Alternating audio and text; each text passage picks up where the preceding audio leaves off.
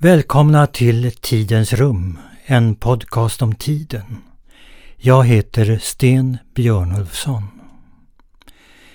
Den här texten, Predikan, som ni snart kommer att få höra, är början på en bok som konstnären och skådespelaren Charles Schwarzenabel håller på att skriva.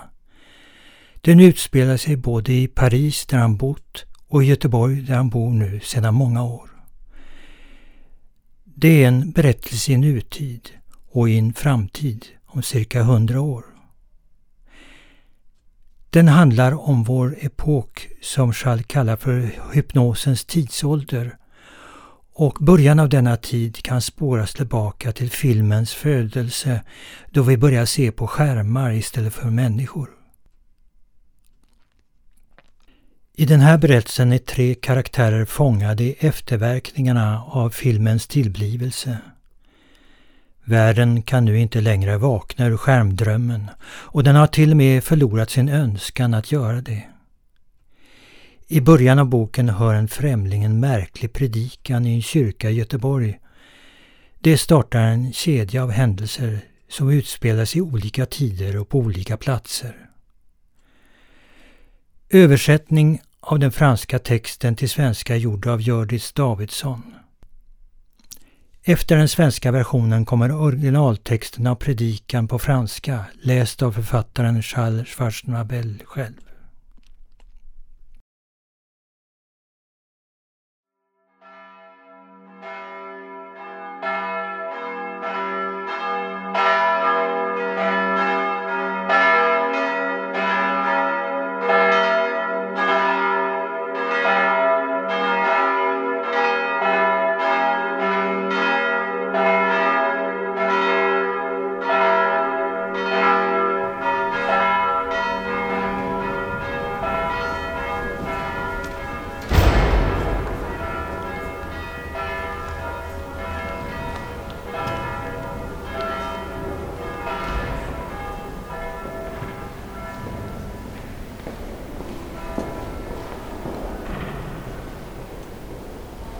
Kära bröder och systrar, god afton.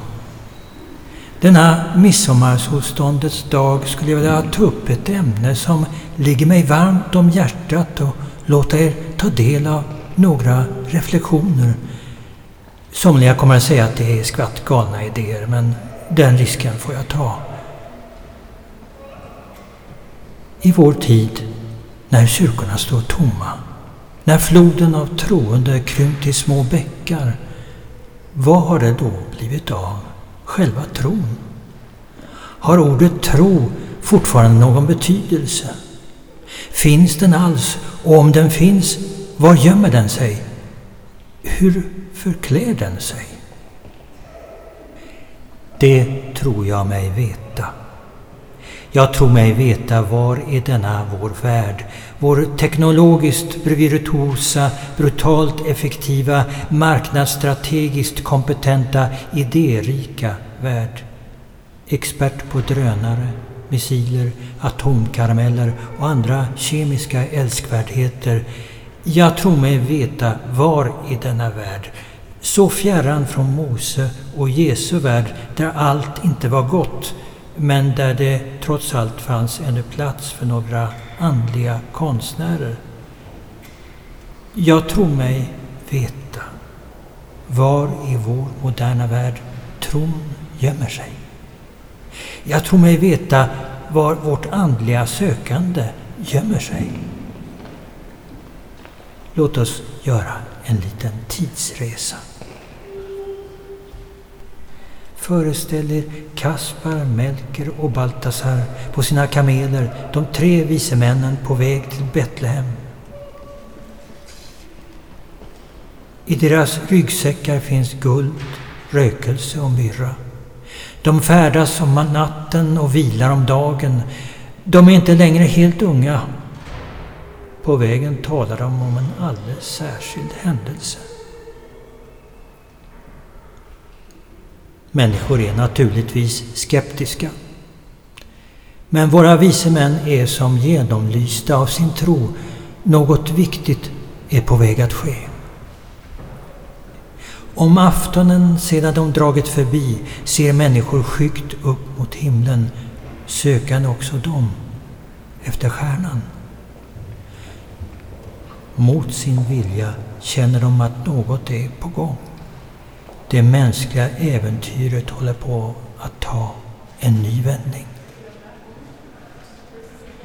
De tre vise männen fortsätter sin väg med huvudet i stjärnorna.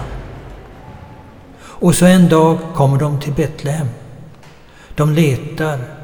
Byn är inte stor. De finner stallet. De går in. Och vad får de se? Är det ett skimrande ljus i stallet som på vykortsvackra bilder? Är det gyllene glitter i luften? Är oxens åsnans blick djupt mänsklig? Eller är det som en renässansmålning där Maria och Josef har kläder i röd och blå brokad med guldtråd invävd? Finns där änglar som blåser i trumpeter och svävar flera meter ovan jord? Hör man möjligtvis Mozarts Requiem? Självklart inte. Där finns bara en man och en kvinna och en bebis. Enkelt folk. Maria och Josef tar emot dessa främlingar som verkar välvilliga och intresserade av den nyfödde. Maria håller Jesus som så med en hand under den lilla stjärten, den andra stödjer den ännu sköra nacken. Hon låter kungarna hålla i barnet. Kasper är den första som tar barnet i sin famn. Nu frågar ni er kanske vart jag vill komma med den här historien. Jag kommer dit. Titta noga på gesterna. Hela mysteriet med tron och dess skenbara försvinnande finns i de här gesterna. Kaspar lätt böjd, med sänkt huvud och blicken fäst i Jesu blick håller barnets kropp med ena handen och dess nacke med den andra. Han fattar det sköra huvudet med varsam hand. Hans fingrar är särade, lätt böjda för att passa till den ömtåliga nackens form. Så stor ömhet, så mycket känslighet, så stor uppmärksamhet för ett ögonblick utgör de två ett enda, ett kärlekens under. Låt oss nu lämna denna lilla tidsresa och komma tillbaka till vår egen tid. Den där gesten jag talade om, den öppna handen, de lätt böjda fingrarna, den mjuka handleden. Se, där! Säger det er inte något? Titta. Jo visst. Självklart. Mobilen. Den bärbara telefonen. Jag kan se att några av er ler igenkännande. Jag ser också några klentrogna blickar och jag till och med hör några skratt. Jag vet, jag vet.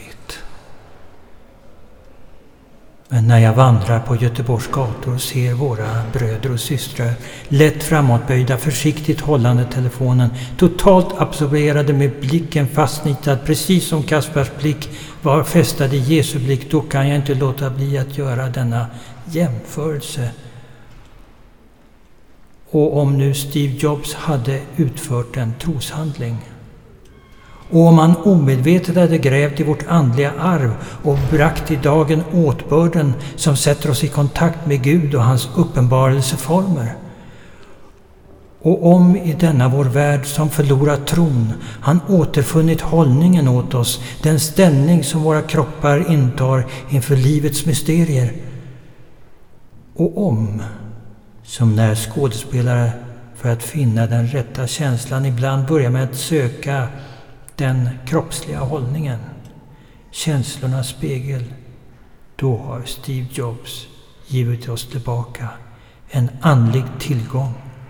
Vi har förlorat.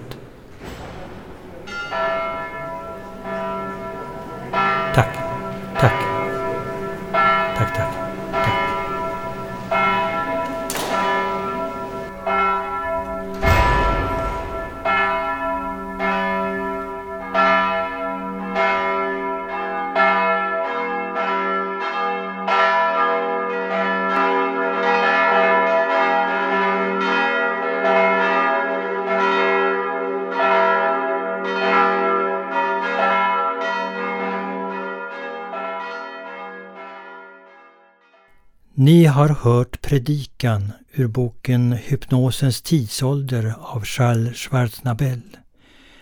Nu kommer vi få höra originaltexten på franska uppläst av författaren själv.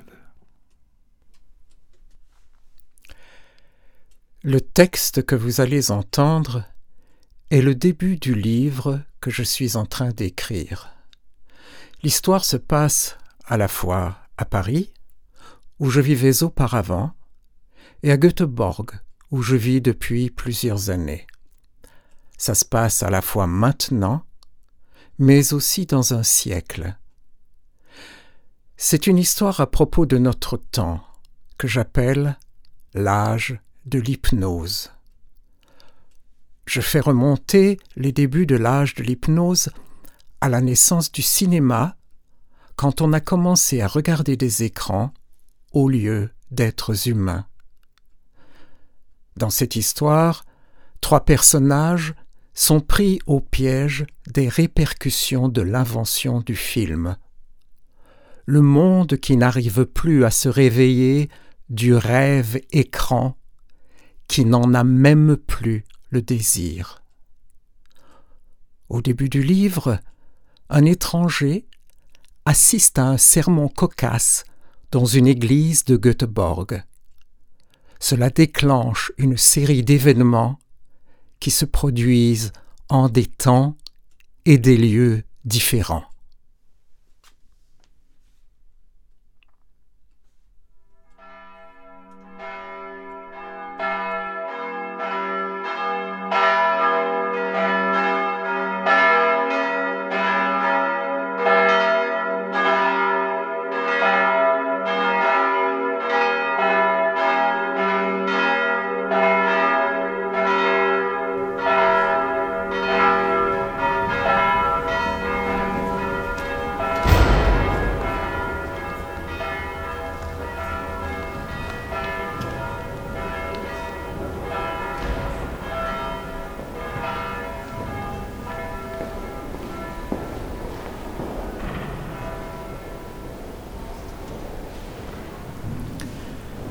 Chers frères et sœurs, bonsoir.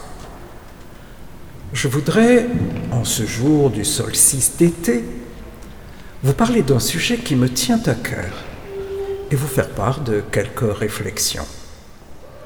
Certains diront qu'elles sont farfelues, j'en prends le risque. À notre époque où les églises se vident, où le flot des fidèles se réduit à de petits ruisseaux, qu'est devenue la foi. Est-ce que le mot foi a encore un sens? Existe-t-elle encore? Et si elle existe, où donc se dissimule-t-elle? Où se camoufle-t-elle? Je crois le savoir.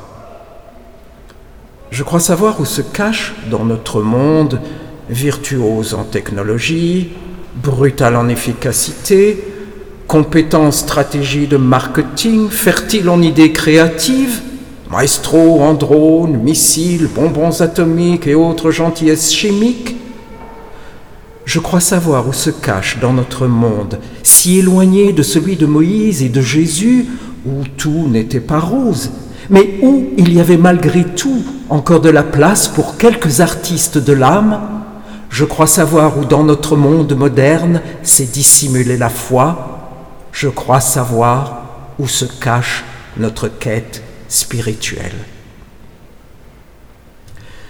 Faisons un petit voyage dans le temps.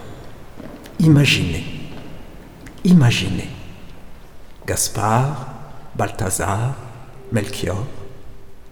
Montés sur leurs chameaux, les rois mages sont en route pour Bethléem. Dans leur sac à dos, la myrrhe et l'encens, ils cheminent pendant la nuit et se reposent pendant le jour, ils ne sont plus tout jeunes. En route, ils parlent d'un événement très spécial. Bien sûr, les gens sont sceptiques, mais nos rois mages brillent de leur foi. Quelque chose d'inattendu est en train de se produire.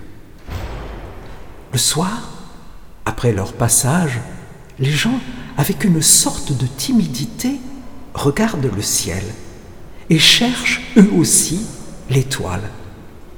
ils sentent, malgré eux, que quelque chose se prépare. L'aventure humaine est en train de prendre un tournant. Les rois mages poursuivent leur route, la tête dans les étoiles. Et puis, un jour, ils arrivent à Bethléem. Ils cherchent, le village n'est pas grand. Ils trouvent l'étable. Ils entrent, et qu'est-ce qu'ils voient? Quel est le spectacle qui s'offre à eux? Est-ce que, comme dans les peintures de la Renaissance, Marie et Joseph portent des vêtements de brocart rouge et bleu tissés de fil d'or? Y a-t-il des anges qui, à quelques mètres du sol, jouent de la trompette? Est-ce qu'on entend le requiem de Mozart? Non. Bien sûr que non. Il y a là seulement un homme, une femme et un bébé, des gens simples. Marie et Joseph accueillent ces étrangers qui ont l'air plutôt bienveillants et très intéressés par le nouveau-né. Marie tient Jésus comme ça, une main sous le petit derrière, l'autre qui soutient la nuque encore fragile. Elle offre au roi mage de tenir l'enfant. Gaspard est le premier à prendre Jésus dans ses bras. Vous vous demandez où je vais en venir avec mon histoire. J'y viens. Regardez bien les gestes. Tout le mystère de la foi et de son apparente disparition réside dans ces gestes. Gaspard, légèrement courbé, la tête baissée, les yeux dans les yeux de Jésus. D'une main soutient le corps de l'enfant et de l'autre la nuque. Sa main, sensible à la douceur de la petite tête, se fait tendre. Sa main est attentive à ne pas se crisper pour ne pas lui faire du mal. Il a les doigts ouverts, légèrement recourbés pour épouser la fragile nuque. Tant de tendresse, tant de délicatesse, tant d'attention. Pendant quelques instants, ils ne font plus qu'un, un miracle d'amour. Laissons maintenant ce petit voyage dans le temps et revenons à notre époque. Ce geste dont je parlais, la main ouverte, les doigts légèrement recourbés, le poignet souple.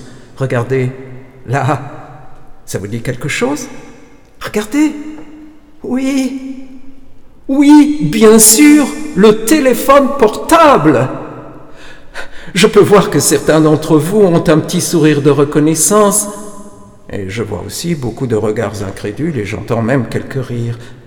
Je sais, je sais, mais quand je marche dans les rues de Göteborg et que je vois nos frères et sœurs, le corps légèrement courbé en avant, la main qui tient délicatement le téléphone, totalement absorbée, comme Gaspard, les yeux rivés sur les yeux de Jésus, je ne peux pas m'empêcher, je ne peux pas m'empêcher de faire le rapprochement. Et si Steve Jobs, inconsciemment, avait fait un acte de foi? Et si Inconsciemment, il avait fouillé notre héritage spirituel et mis à jour les gestes qui nous mettent en contact avec Dieu et ses manifestations. Et si, inconsciemment, dans notre monde qui perd la foi, il nous avait fait retrouver la posture que prennent nos corps face au mystère de la vie. Et si, comme ces acteurs qui, pour trouver l'émotion juste, cherchent parfois d'abord l'attitude physique, miroir de ses émotions, il nous avait rendu un bien spirituel qui nous a échappé.